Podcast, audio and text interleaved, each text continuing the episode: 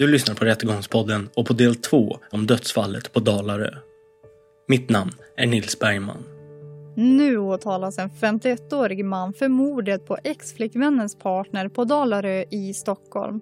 Det var i slutet av april som 51-åringen ska ha slagit ihjäl ex-flickvännens nya partner och därefter fäst ett rep runt halsen på den döde och släpat honom bakom bilen innan han dumpades i vattnet. Och orsaken till varför han har släpat den döde mannen efter bilen uppges vara för att han inte ville smutsa ner bilen. Polisen misstänkte snabbt att han hade mördats. Nu åtalas han misstänkt för att ha slagit ihjäl mannen. Det hela ska ha handlat om ett triangeldrama enligt åtalet som lämnades in till Södertörns tingsrätt.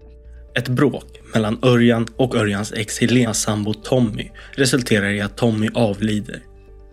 Exakt när, hur och av vad kommer man aldrig riktigt komma fram till. Örjan hävdar att Tommy dog av en olyckshändelse och tror att Tommy kan ha trillat ner för en betongtrappa efter bråket. Det hela blir nu till en fråga om hur Tommy dog. Om det kan ha varit en olyckshändelse inblandad eller om slagsmålet och därav våldet som Örjan utdelade var den bidragande faktorn till Tommys död. Det är mord som Örjan står åtalad för och som åklagaren ska försöka bevisa har skett.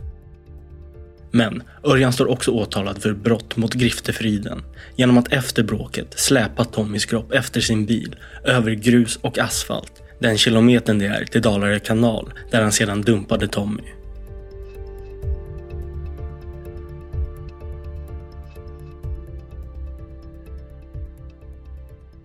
Vi hör Örjan. Och då gör jag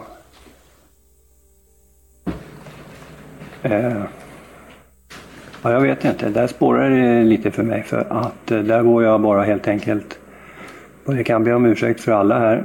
Men framförallt för Tommys anhöriga. Jag betett mig där. Men jag går och hämtar min bilnyckel. Och eh, hämtar bilen, kör runt den på gården. Så ligger ett eh, rep som jag får reda på sen. Eh, en boxerlina. Så jag lägger den runt halsen på Tommy och släpar bort honom till bilen och kör bort honom till eh, Dalarö kanal. Eh, varvid jag eh, dumpar kroppen i sjön där. Sen så kör jag eh, precis till vänster om det så finns det en eh, återvinningsstation. Då stannar jag där och ställer ifrån mig hans eh, ryggsäck. Ja, sen åker jag hem.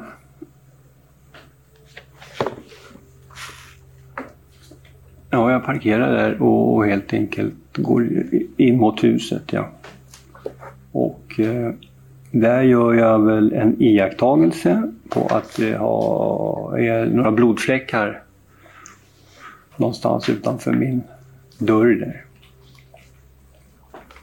Så jag går in i huset och hämtar en eh, liten balja som jag har där. Och eh, tar lite vatten från kökskranen. Borstar av det här blod som jag ser då. Så går jag in i vardagsrummet och där ligger Helen i en hörnsoffa och sover som jag uppfattar det. Och då tänker jag, ja. Ja, just det. Då tänker jag just det, för jag har ingen filt här i soffan. Så det var det första jag tänkte. Jag ser inte Helene just, jag hade glömt bort henne där. Och så tänker jag, vart tog filten vägen? Så tittar jag, då ser jag just det, Helene här. Och då tar jag bara en annan filt som ligger, jag har en liten klehög här på höger sida faktiskt. Det är lite stökigt där. Men då tar jag den och sätter mig i soffan och eh, somnar.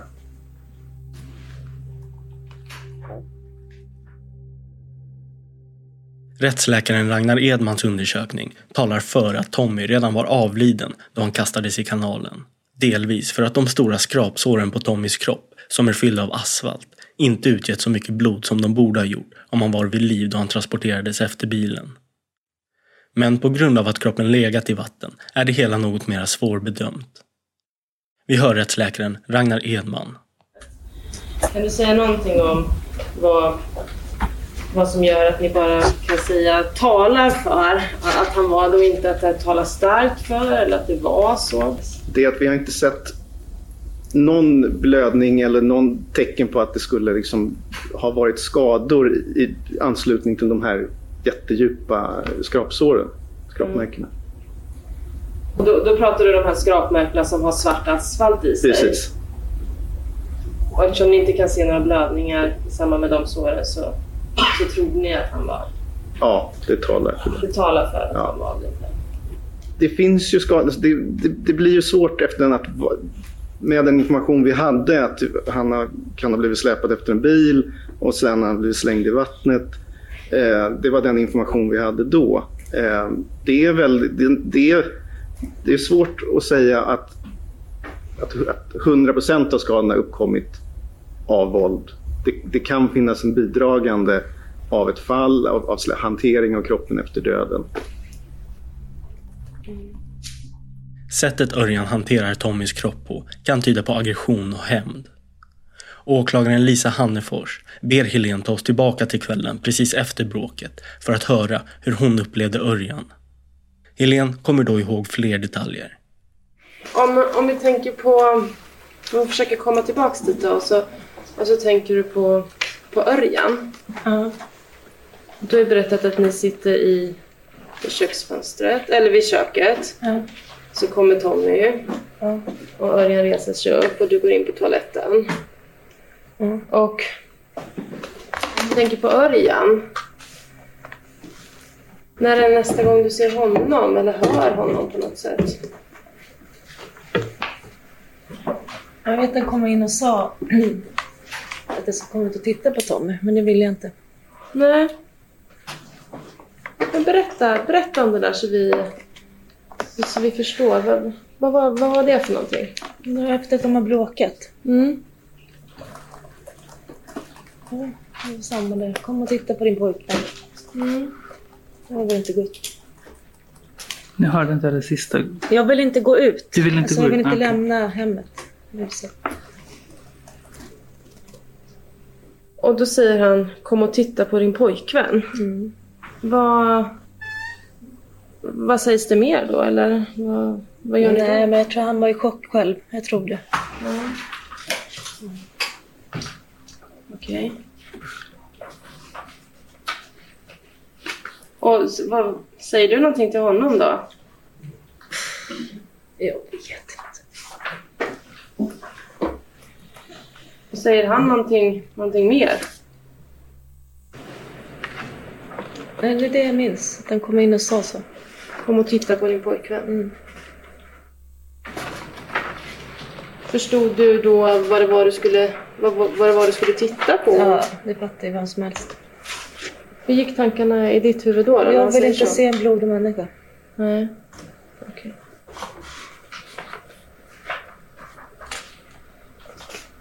Och... Förstod du anledningen eller fick du någon förklaring till varför han kom in och sa så här? Att du skulle komma och titta? Nej, det vet jag inte. Och på vilket sätt säger han det här till dig? Jag tyckte det lät som han var stolt på något sätt. Det lät så på rösten. Men jag tror han var arg på Tommy. Så jag tror det var därför. Han var inte arg på mig.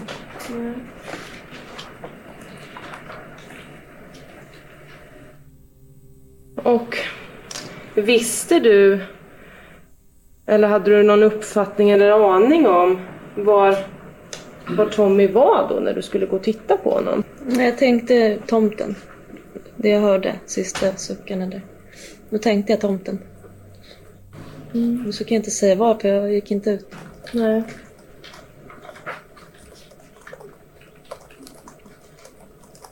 Men du tänkte att Tommy var på tomten? Det lät så på suckan, man hör. Och berätta om de där suckarna då, vad det var för ljud. Vad det var för någonting som du hörde. Ja, men dödssuckar. Så lät den. Så här rossligt. Nej, jag tänker han kommer, han kommer dö där. Mm.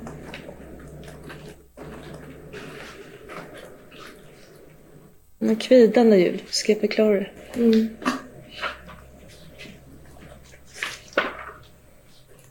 Helene beskriver sedan hur Örjan går in och hämtar bilnycklar och försvinner sedan iväg. Hon hör eller ser inget mer än det förrän morgonen efter då hon vaknar vid åtta tiden. Och hur verkar Örjan då? Hur är han till sättet när han vaknar och Han var så jävla lugn. varandra?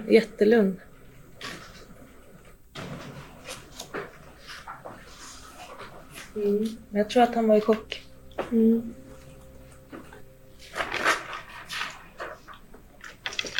Och så när du berättade själv innan så sa du så här, du frågade Örjan var är Tommy? Mm.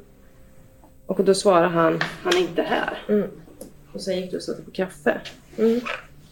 Jag vill inte prata. Känn gjorde jag. Tänkte sätta på lite kaffe, kanske han börjar prata lite. Ja. Jag fattar att det har hänt någonting. ja. Men Sen sa han direkt. Vad sa han då, då direkt? Han ligger i kanalen. Han ligger i kanalen. Iskallt. Oh. Vad är anledningen till att du istället för ringer 112 kör iväg med kroppen? Ja, akut stress kanske.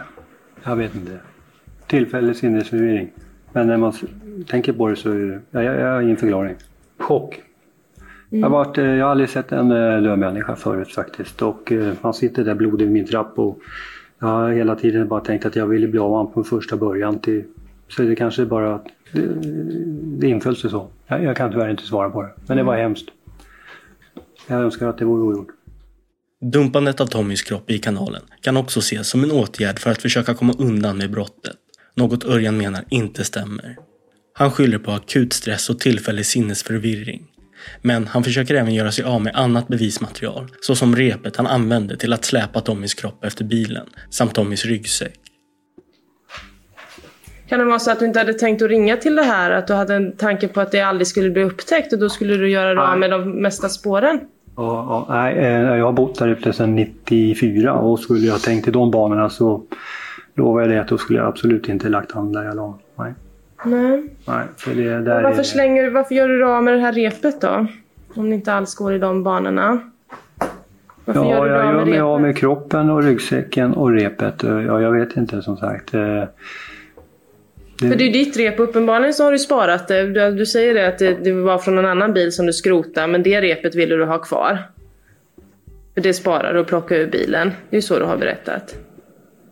Och då undrar jag var- varför inte ha kvar repet om det är ett användningsbart rep? Varför göra sig av med det i en, i en soptunna? eh, jag för mig att eh, jag eh, tyckte att det var blod på den så jag ville nog slänga den på grund av det kanske. Jag vet inte, det är en spekulation. I det första polisförhöret den 1 maj nämner Örjan ingenting om att ett dödshot utdelats från Tommy. Trots att Örjan fått upprepade frågor om vad Tommy sa till Örjan under kvällen. Enligt Örjans pappa nämnde förvisso Örjan att Tommy hotat honom. Men när det kommer till att berätta om det i polisförhör är det en uppgift som tillkommer sent. Jag har nog inte uttryckt mig riktigt och tänkt på alla små detaljer, att de är så oerhört viktiga, eh, varje ord hit och dit, utan ja, det har blivit helt fel allting från början till slut där känner jag. Så att, mm. Men ser du det som en liten detalj att han skriker jag ska döda dig din jävel? Eh, I sammanhanget med bortforslingen av kroppen så tycker jag det, ja, det är min bedömning. Och när han väl säger det, är det någonting då som du överhuvudtaget reagerar på då eller? Absolut. Inte heller i ett förhör 13 dagar senare nämner Örjan något om ett dödshot. Inte heller i larmsamtalet nämner han något om det. SOS 112, vad har inträffat? Och i larmsamtalet uppger han ju även att han tror att han bragt en kille om livet. Något han inte längre står fast vid att han tror. Ja, hej, Örjan heter jag. Jo, eh, det var ett lite handgemäng igår så jag tror jag har bragt en kille om livet faktiskt. Så jag ville bara säga det. Vad, vad, är, vad är det som... Idag hävdar Örjan att han helt enkelt inte vet hur Tommy dog. Men att det i alla fall inte är han själv som bidragit till det. Örjan menar också att innan han släpper med sig Tommy till kanalen är han helt säker på att Tommy redan är avliden. Men han vet som sagt inte hur han dött. Men om du inte har någon aning om egentligen varför han är död? Varför ringer du inte in och bara säger så här, vi slogs lite och sen hittade jag honom död i slänten. Jag vet inte hur det gick till. Om det nu var så. Varför säger du inte så istället för att du säger att du misstänker att, att det är du som har dödat honom?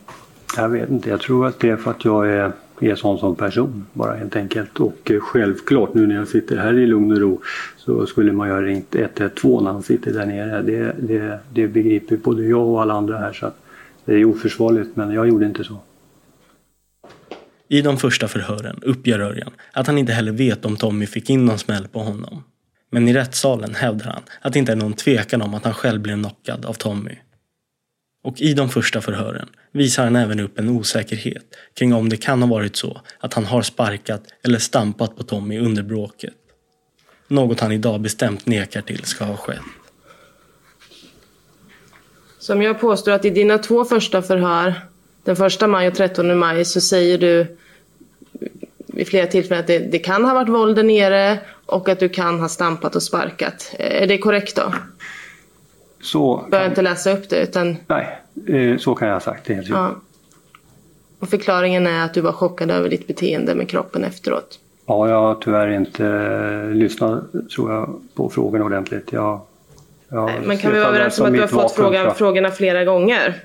Ja, Om det nej. har varit våld där nere och om du har stampat och sparkat på honom. Mm. Och du har tvivlat då? Ja, men eh, jag kan försäkra om att jag har aldrig stampat eller sparkat på honom. Nej. När bestämde du dig för att liksom vara säker på det då och, framföra den åsikten? Ja, det var så här att vi satt och diskuterade och då kom det fram att Örjan, säg bara exakt sanningen och vad du kommer ihåg. Och då har jag bara, så har det blivit. Mm. Mm. Så att nu tycker jag att jag försöker prata så tydligt jag kan så det inte blir något som helst missförstånd angående otydligheter här. Det finns uppgifter som tyder på att Tommys skador på kroppen har uppstått genom sparkar eller stampar. Och Örjan har ju själv medgett att han under kvällen upptäckt att han har väldigt ont i foten. Idag hävdar han att det måste ha varit för att han har snubblat till och då skadat foten. Men för åklagaren är det viktigt att veta om sparkar eller stampar har utdelats mot Tommys kropp, då bedömningen av nödvärn och uppsåt då påverkas. Ja, för bland annat på sidan 414 så pratar ni om det här med, med, med skorna och våld med fötterna. Och jag kan inte hitta att du någon gång då säger att du på något sätt skulle ha r- snubblat till, att det är därför du har ont i foten. Eh, du, säger, du säger att du har skavsår, säger du. Ja. Men, men ingen, ingenting om att du skulle snubblat. Och så finns det en anteckning om på mitten på sidan 14. Jag har använt fötterna till någonting i alla fall. Och då, men, och då undrar jag vad, varför säger du så då? Att du har använt fötterna till någonting i alla fall. Och vad, vad syftar du på? Ja. För det Jag står ingenting om att du har Jag klämt har- skor som är för små. Jag, jag har ju i alla fall aldrig nämnt att jag har sparkat eller stampat på honom. Så att jag har ju förmodligen bara uttryckt mig som att jag har gått på fötterna och fått skavsår då kanske. Det, jag vet inte hur jag ska tolka det där själv. Örjan har även i de första förhören visat osäkerhet om det kan ha varit ytterligare ett bråk med Tommy nedanför altanen. Idag menar han att enbart ett bråk ägt rum uppe på altanen. Örjan fick in en bra träff på Tommy och Tommy lyckades skalla Örjan en gång i ansiktet som ledde till att Örjan för en kort stund tuppade av. När han vaknade upp igen såg han ingen Tommy på altanen utan upptäckte senare att Tommy satt livlös nedanför trappan till altanen. Men riktigt så lät det inte tidigare. Har du i första förhören liksom öppnat upp för möjligheten att det faktiskt har varit två bråk? Ett där uppe och ett där nere. Känner du igen det? Jag kan ha sagt så ja, men eh, eh, vi har bara varit bråk uppe på altanen. Okej. Mm. Och varför har du liksom öppnat upp för den möjligheten då att det skulle vara bråk där nere? När det inte var så? Jag vet inte. Det är i alla fall otroligt dumt. Jag har inte varit tydligt tydlig där tydligen. Har inte varit tydligt, eller vad säger du? Nej, jag tycker inte det själv, för jag vet ju med mig att det har inte varit bråk där nere så att eh, mm, det var märkligt. Nej. Men längst ner på sidan 415 till exempel säger du Så jag antar att det har varit Jo, ja, men eh, ja, Så jag antar att det varit två bråk. Ett där uppe, ett där nere. Då antog du det då? Ja, det var ju för att jag visste ju inte hur han hade kommit ner där som jag sa från början när jag var så chockad att han bara helt plötsligt satt där nere. Men eh, jag vet ju att när jag kommer ner så är han... Eh, han drar sin sista suck där så att eh, det är uteslutet. Det har inte varit något bråk där nere. Men om jag först, vet du idag varför han har kommit ner där nere? Nej, men jag fick, som jag sa eh, igår där när vi såg filmen så fick jag tydligen en, en liten sån här, ja så där kan det ha gått till. Det var min bedömning. Ja. Men är det efter att du ser ett, ett, ett hypotetiskt alternativ till hur han hamnar där så, som, som du då efter det så kan du utesluta att det har varit något bråk där nere efter att Absolut liksom vi har visat upp att han kan ha ramlat? Nej, nej, jag har hela tiden vetat att eh, det har inte varit någon bråk där nere och jag har uh, bråkat där uppe. Men eh, att få ihop den här pusselbiten för mig, hur han hamnade där nere, den har jag liksom, jag har inte tänkt bara. Jag trodde hela tiden, som jag sa tror jag i början av som förhör, att han har hamnat faktiskt, eh, kom igenom altanräcket och rasat ner där. För att det, jag håller på och bygger det, det är inte riktigt klart ännu så att jag trodde att det var så det hade gått till. Men du, även, alltså, sen sitter ni och fortsätter prata det här dialogförhöret och läser man vidare på sidan 417 för att jag har för mig att vi bråkar lite där nere också. Men jag kommer inte ihåg det, om det var före eller efter eller när det var. Före eller efter, då har ni dessförinnan pratat om om han är livlös eller inte. Men, men återigen i det här samtalet som du har med polisen så återkommer du till att eh, du har för dig att ni bråkar lite där nere igen. Så det, det återkommer ju det här. Och varför tror du att det återkommer om det nu inte är så? Jag vet faktiskt inte. Nej.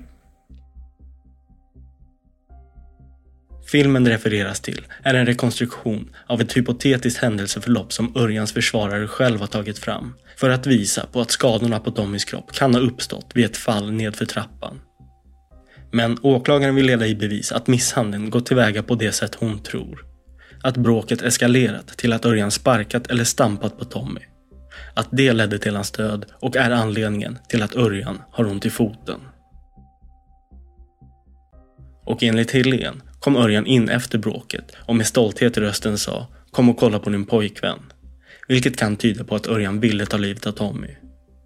Dumpandet av kroppen och undanröjandet av bevismaterial är enligt åklagaren en del i ledet att försöka dölja brottet. Och till larmoperatören dagen efter uppger han att han tror att han bragt en kille om livet och säger även till tidningsbudet Britt-Marie att han troligen kommer få ett mångårigt fängelsestraff för detta ja, du spekulerar, spekulerar i att du, att du får en 12 år för det som har hänt. Vad, vad har du för kommentar till det? Var, varför, varför dagen efter liksom spekulerade i det? Alltså, om du nu jaha. har sagt det. Ja, ja okej. så. Ja, eh, ja, eh, jag är ju inte ett dugg insatt i lagar och förordningar så tillvida. Jag vet inte vad det är för straff men eh, jag, jag, jag trodde det eftersom jag hade bråkat med Tommy där uppe på altanen att eh, jag varit skyldig till, till det här som har inträffat. Ja. I polisförhör har Örjan pratat mer detaljerat kring sparkarna. Som till exempel att han minns ljudet av dem. Förhöret på sidan 417 så har du gjort en, gjort en, en, lämnat en kommentar om en iakttagelse av hur det låter på Tommy när du sparkar honom. Känner du igen det? Ja, just det. Det står någonstans där. Och berätta kring när du satt och berättade. Berätta hur det var och vad, hur det kom sig att, att du berättade om det här då. Att, att, du, att du hör hur han liksom... Ja, just det. Jag säger nog så här att... Han jag- responderar jag, på dina jag, sparkar. Jag hörde hur sparkarna tog tror jag. Ja, Ja, just det. Mm. ja. Ja, Jag, jag, jag, hörde när sparkarna tog. Berätta då, vad, vad, varför säger du så i polisförhöret? Ja, jag har ingen aning. Jag kan bara säga att... Uh, ja, jag vet inte vad fan jag tänkte på. Varför sa jag det? Ja, men på sidan 417 då så... Det är sjunde h nerifrån. Så säger du, eh, eh, jag hörde att det tog om man säger så. Alltså att det gjorde ont i kroppen och att han lugnade ner sig vartefter. Kan så att säga. Och sen får du fråga hur många sparkar minns du? Ja, egentligen på raken kan jag inte säga någon, men ja, ja, jag ville bara få han därifrån. Om du inte har upplevt det här, hur, hur kommer det sig att du säger så då överhuvudtaget? Ja, jag, jag har nog uttryckt mig otroligt dåligt här. Eh, jag har inte sparkat på honom. Och, eh, men jag menar nog, eh, jag har, Eh, när jag tänker på de här eh, rosslingarna som jag hör, att eh, någonting där som har tagit på honom. Eh, Och sen att jag vill bara han därifrån. Ja, det är faktiskt, eh, det är därför jag tar och kör bort honom i- med, rep, eh, med bilen, med, kopplar med repet där. Så det har nog blivit i sitt sammanhang här. Men jag, som jag säger här i början på förhöret, jag är väldigt chockad. Och eh, jag, jag har uttryckt mig väldigt dåligt. Det, jag erkänner det. Mot slutet av förhöret med Örjan i tingsrätten tar målsägande beträdet Mats Flodén över. Och han reagerar också på det Örjan nämnt om sparkar i sina första polisförhör. att du då som svar på den frågan uppgav Jag slogs för mitt liv. Jag kan bara tänka att jag har gjort allt i min makt för att få ett slut på det. Slag, armbåge, knä, sparkar, vad som helst. Ja. Kan inte säga om jag slog med vänster eller höger. Jag bara öste på. Det är riktigt, så uttryckte jag mig. Det kommer jag ihåg. Ja. Så kändes det. Ja. Ja, jag var uppjagad. Och då har jag ju förstått att, att eh, din försvarare tyckt att du har varit otydlig och att du, ska, du måste bli tydligare i dina svar. Eh, jag är inte lika suddig. Nej. Men när du då på sidan 417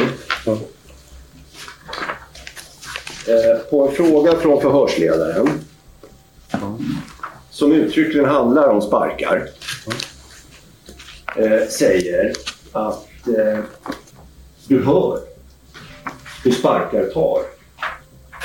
Att det gjorde ont i kroppen och att han lugnade ner sig vartefter.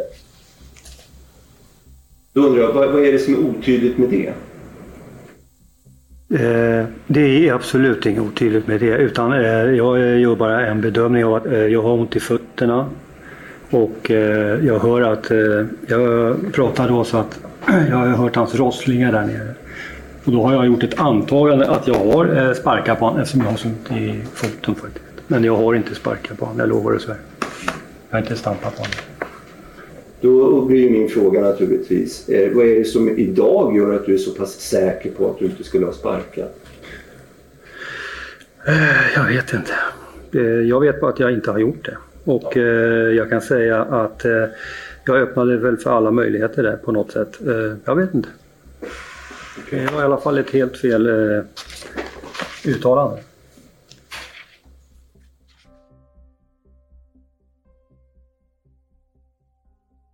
Örjan tror att Tommy kan ha fallit ner för trappen och på så sätt åsamkat sig skadorna. Örjans försvarare, som inte var där, är däremot övertygad om att så är fallet. Han har lagt ner mycket tid och stora resurser på en rekonstruktionsfilm där en docka släppts ner från trappen för att påvisa att den omfattande skadebilden kan ha uppstått av att Tommy fallit ner för trappen och sedan in i en närliggande stenmur. Något rättsläkaren Ragnar Edman inte är lika övertygad om. Ett sånt där fall då? Ja, alltså det är ju väldigt svårt när man bara sett bilder på en, en docka som, som kastas raklång ut. Ehm, det är som om man tar det här med läpparna så är det ju väldigt få hu- hudavskrapningar på läpparna. Alltså de är ju eh, alltså uppe, för de stora, stora skadorna är ju i över och underläppens infästning. Det är ju sönder, det är som sönderslitet. Men det är rätt fint på utsidan. Så att, att det skulle ha slagit i en stenmur både uppe och nere låter inte sannolikt. Mm. Och den här spridningen då av skador som du själv har räknat upp Mm. här då. Skulle den vara sannolik så att alltså, i det här fallet så ramlar du så att du liksom på något sätt slår Alltså höger sida går av när du slår i trappan och sen går vänster sida sönder när du slår i muren. Det går inte att utesluta att, att skador har uppkommit efter ett eventuellt fall. Eh, vilka, exakt vilka skador det är är väldigt svårt att uttala sig om. Men att då slå i höger och sen vänster sida och få, en, få så utbredda skador. Jag har svårt, jag kan inte se det framför mig. Om man faller sådär handlöst framåt då, är det liksom rent möjligt att dels få ett brott på skulderbladen, bryta armen och bryta båda liksom, okbenen? Nej. Möjligtvis armen kan jag tänka mig. men Det, det, det, Men att få det och någonting på baksidan och högersidiga revbensfrakturer och vänsters, flertalet vänstersidiga revbensfrakturer. Eh, det jag har väldigt svårt att, att se det. Mm. I det här fallet så, så är det inte en, en enskild händelse. Ett enskilt fall ger inte alla de här. Ragnar är mycket tveksam till att Tommys omfattande skador har uppkommit av att han fallit nerför trappan. Åklagaren vill då höra Ragnars bedömning om huruvida sparkar eller stampar kan ha orsakat skadorna. Kan man liksom bryta så många? Kan så många gå sönder av en spark eller ett slag? Eller liksom... Nej. Du att det här talar för att man har stått och slagit och sparkat på samma ställe flera gånger? Nej, flera, flera, flera spark, eller vi säger sparkar då, eh, på olika, upprepade sparkar på olika ställen på kroppen. Ja. Inte en spark som gör allting. Kan man med ett, ett hårt knytnävsslag slå sönder 6-9 på ett slag?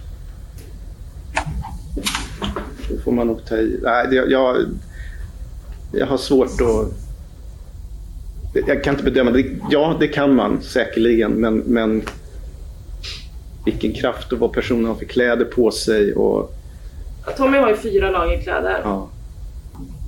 Det beror på vem som slår också. Det, det, Ja. Okej, gemene man då? Nej, jag skulle... Det, det, det, det, det är svårt, tror jag, Ja. att, att knäcka så många. Men, men Ska vi koka ner till att det är osannolikt men, men inte teoretiskt omöjligt? Nej. Ungefär så. ja, ungefär.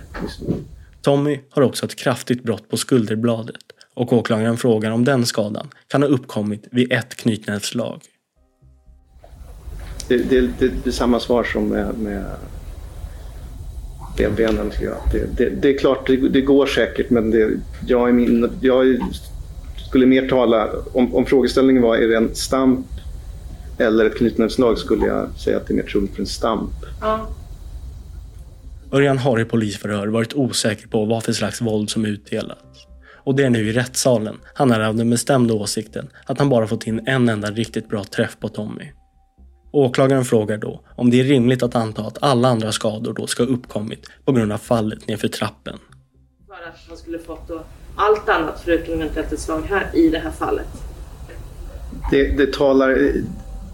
Det utesluter inte att han har fått ett slag i ansiktet men skadebilden talar för att det har varit upp... Det, det talar emot att resten skulle ha uppstått av fall.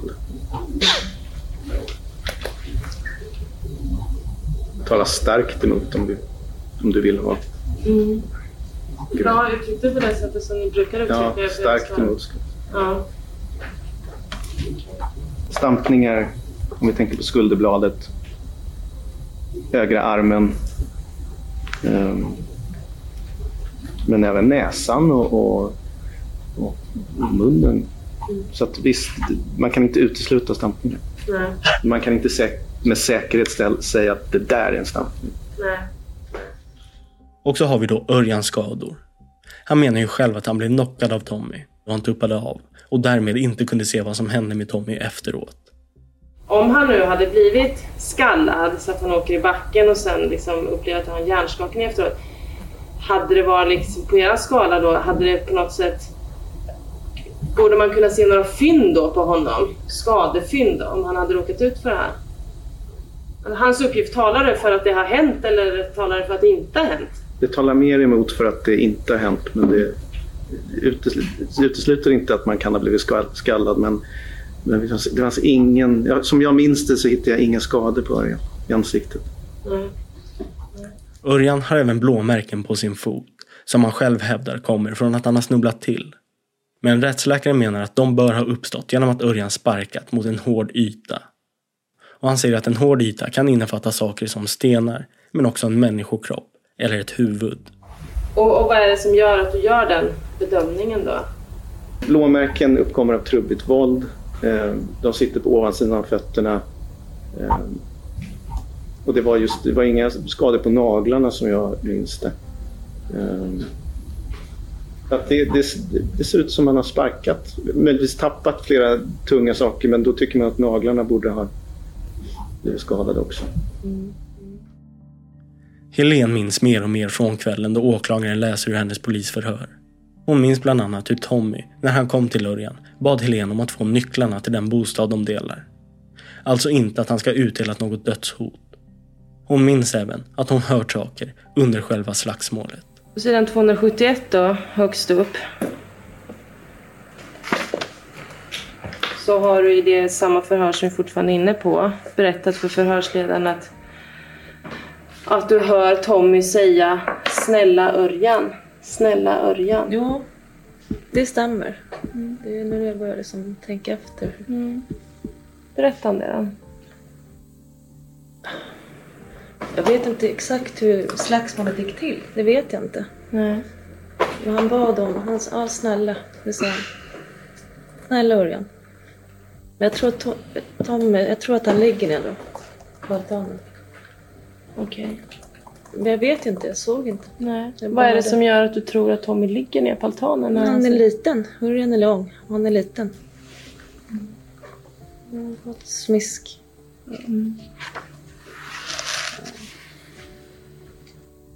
Vad tänker du rent generellt nu att Örjan är större? större Ja, han sänker, han sänker Tommy lätt. Det är din egen uppfattning om om de Ja. här två skulle slåss? Så. Ja, absolut. Okej. Och, och varför då? då? Men Tommy kan se var. Klen. Liten. När hör du det här snälla Örjan, snälla Örjan? Det gjorde det ganska tidigt.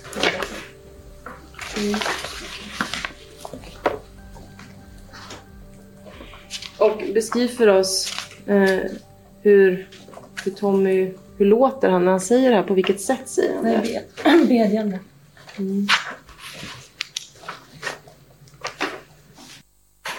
I ditt förhör har du sagt att, han, att, han är, att Tommy, du hör att Tommy är desperat i samband med att han Mm. säger det. här.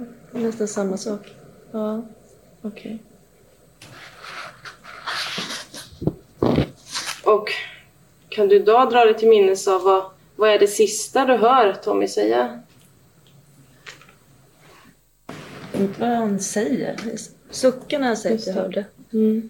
Just det, det är det sista ljudet Ja. från Tommy. Ja.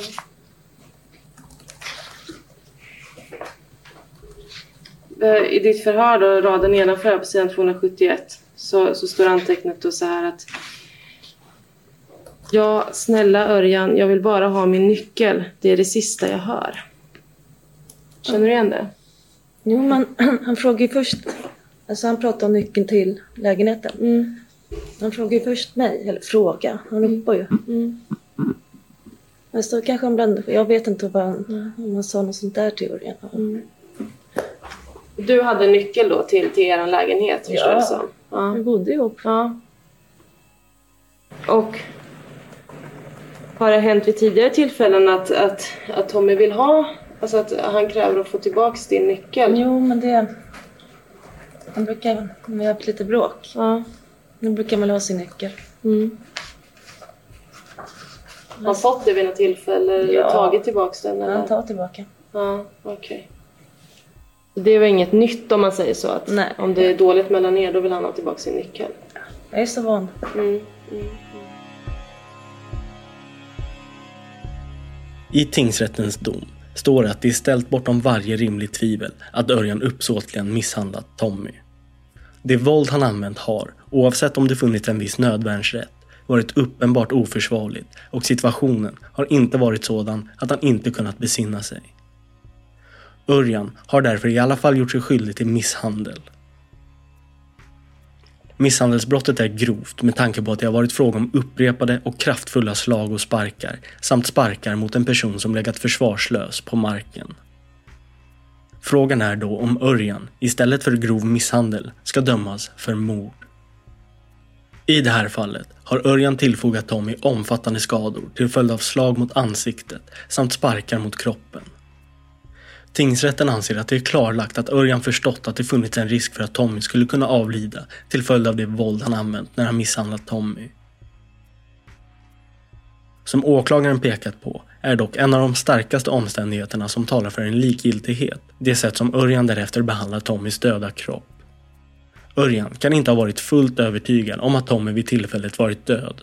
Han har till exempel inte gjort några som helst åtgärder för att i detta läge försöka rädda Tommys liv.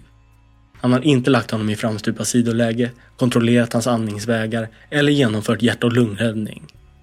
Han har inte heller ringt ambulans eller bett Helen om hjälp. Istället har han omedelbart efter att Tommy slutat göra motstånd gått och hämtat bilnycklarna, kört sin bil runt huset, dragit fram Tommys kropp till bilen, lagt en snara runt Tommys hals, fäst repet i bilen och släpat kroppen efter bilen i ungefär en kilometer. Om Tommy fortfarande varit i livet när han spändes fast med repet måste det ha stått alldeles klart för Örjan att han i vart fall till följd av transporten skulle komma att avlida. Till detta kommer att Örjan därefter puttar i Tommys kropp i Dalarö kanal. Det är alltså rättens uppfattning att Örjan dödat Tommy. Han har gjort detta genom att upprepade gånger slå och sparka mot Tommys huvud och kropp. Till följd av slagen har Tommy ådragit sig flertalet skador i ansikte och på huvudet samt ett stort antal revbensbrott. Gärningen ska rubriceras som mord eftersom brottet inte kan anses som mindre grovt. Örjan döms alltså av tingsrätten till 14 års fängelse för mord och brott mot griftefriden. Men något som också är intressant i tingsrättens dom är det väldigt stora utrymmet som ges till Örjans försvarsadvokat. Aldrig någonsin har jag läst en dom som tillägnar så stor del till att kritisera försvarsadvokatens arbete.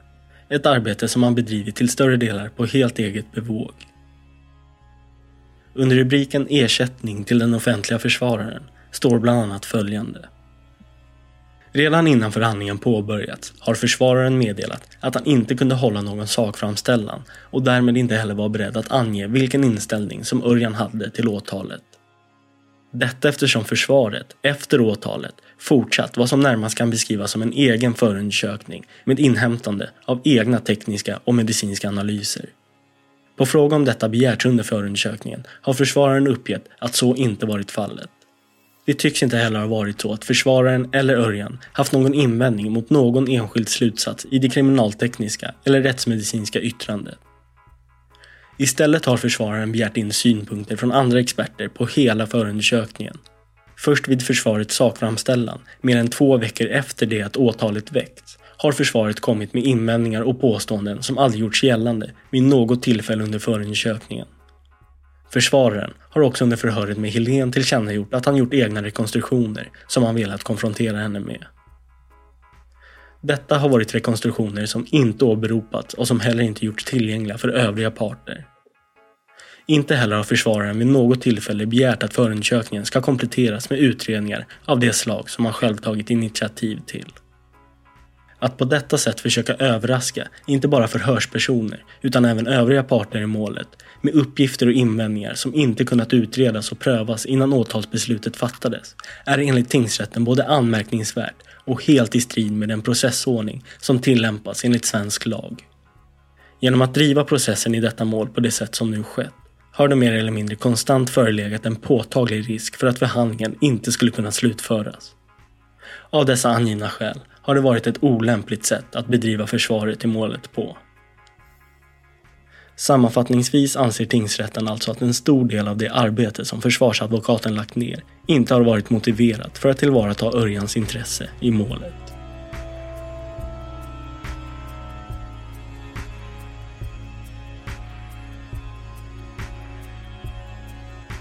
Men i tingsrätten döms alltså Örjan till 14 års fängelse för mord och brott mot griftefrid.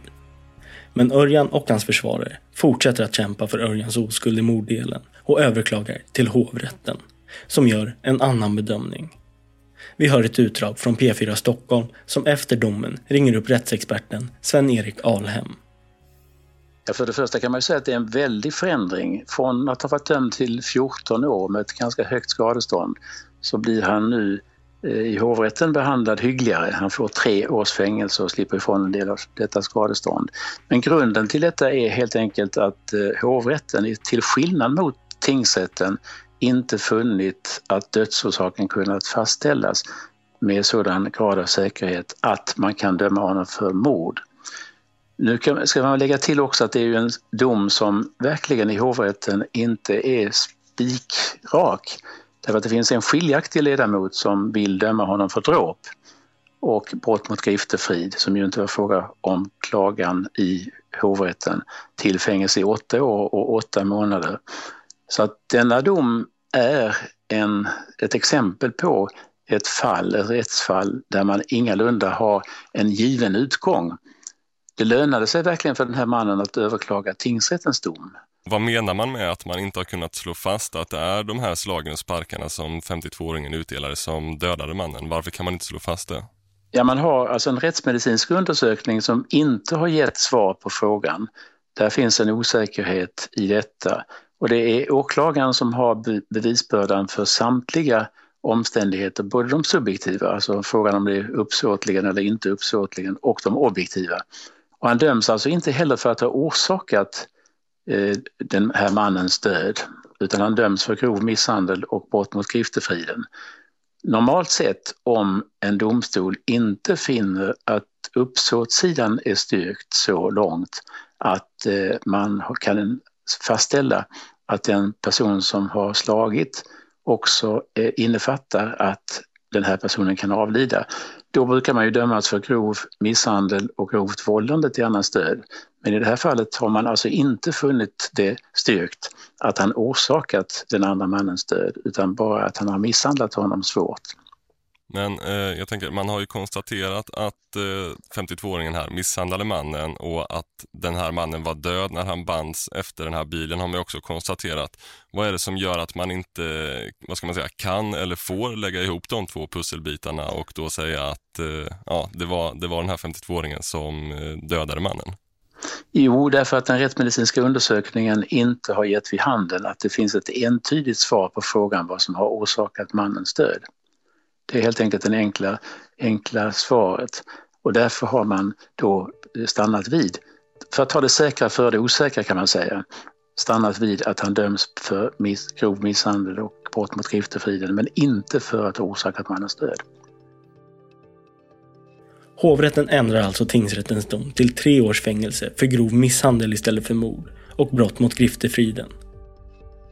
Du har lyssnat på Rättegångspodden om dödsfallet på Dalarö. Mitt namn är Nils Bergman, ansvarig utgivare är Jonas Häger. Stort tack för att ni har lyssnat.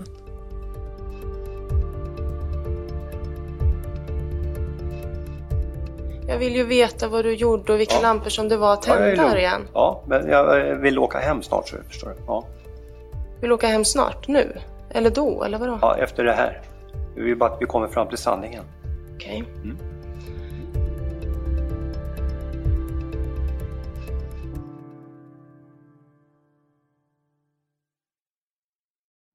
Rättegångspodden är en Tall Tale produktion. Ansvarig utgivare är Jonas Häger. Och Rättegångspodden görs i samarbete med Lexbase. Ange rabattkoden Rättegångspodden när du blir ny betalande medlem på lexbase.se och få tre kostnadsfria domar.